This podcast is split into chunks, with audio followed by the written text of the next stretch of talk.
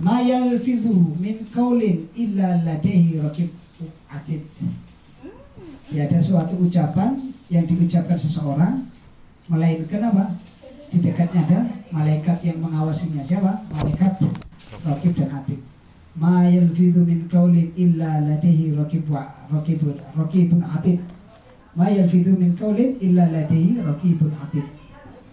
Tidak ada suatu ucapan pun yang diucapkannya ada di dekatnya, ada di sampingnya malaikat yang mengawasinya, yang selalu bersamanya yaitu malaikat rokib dan a atid.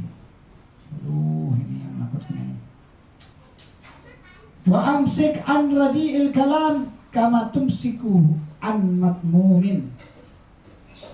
Wa amsik jaga lisanmu an radi'il kalam dari ucapan yang kurang baik kama tumsik an matmumin apalagi yang tercela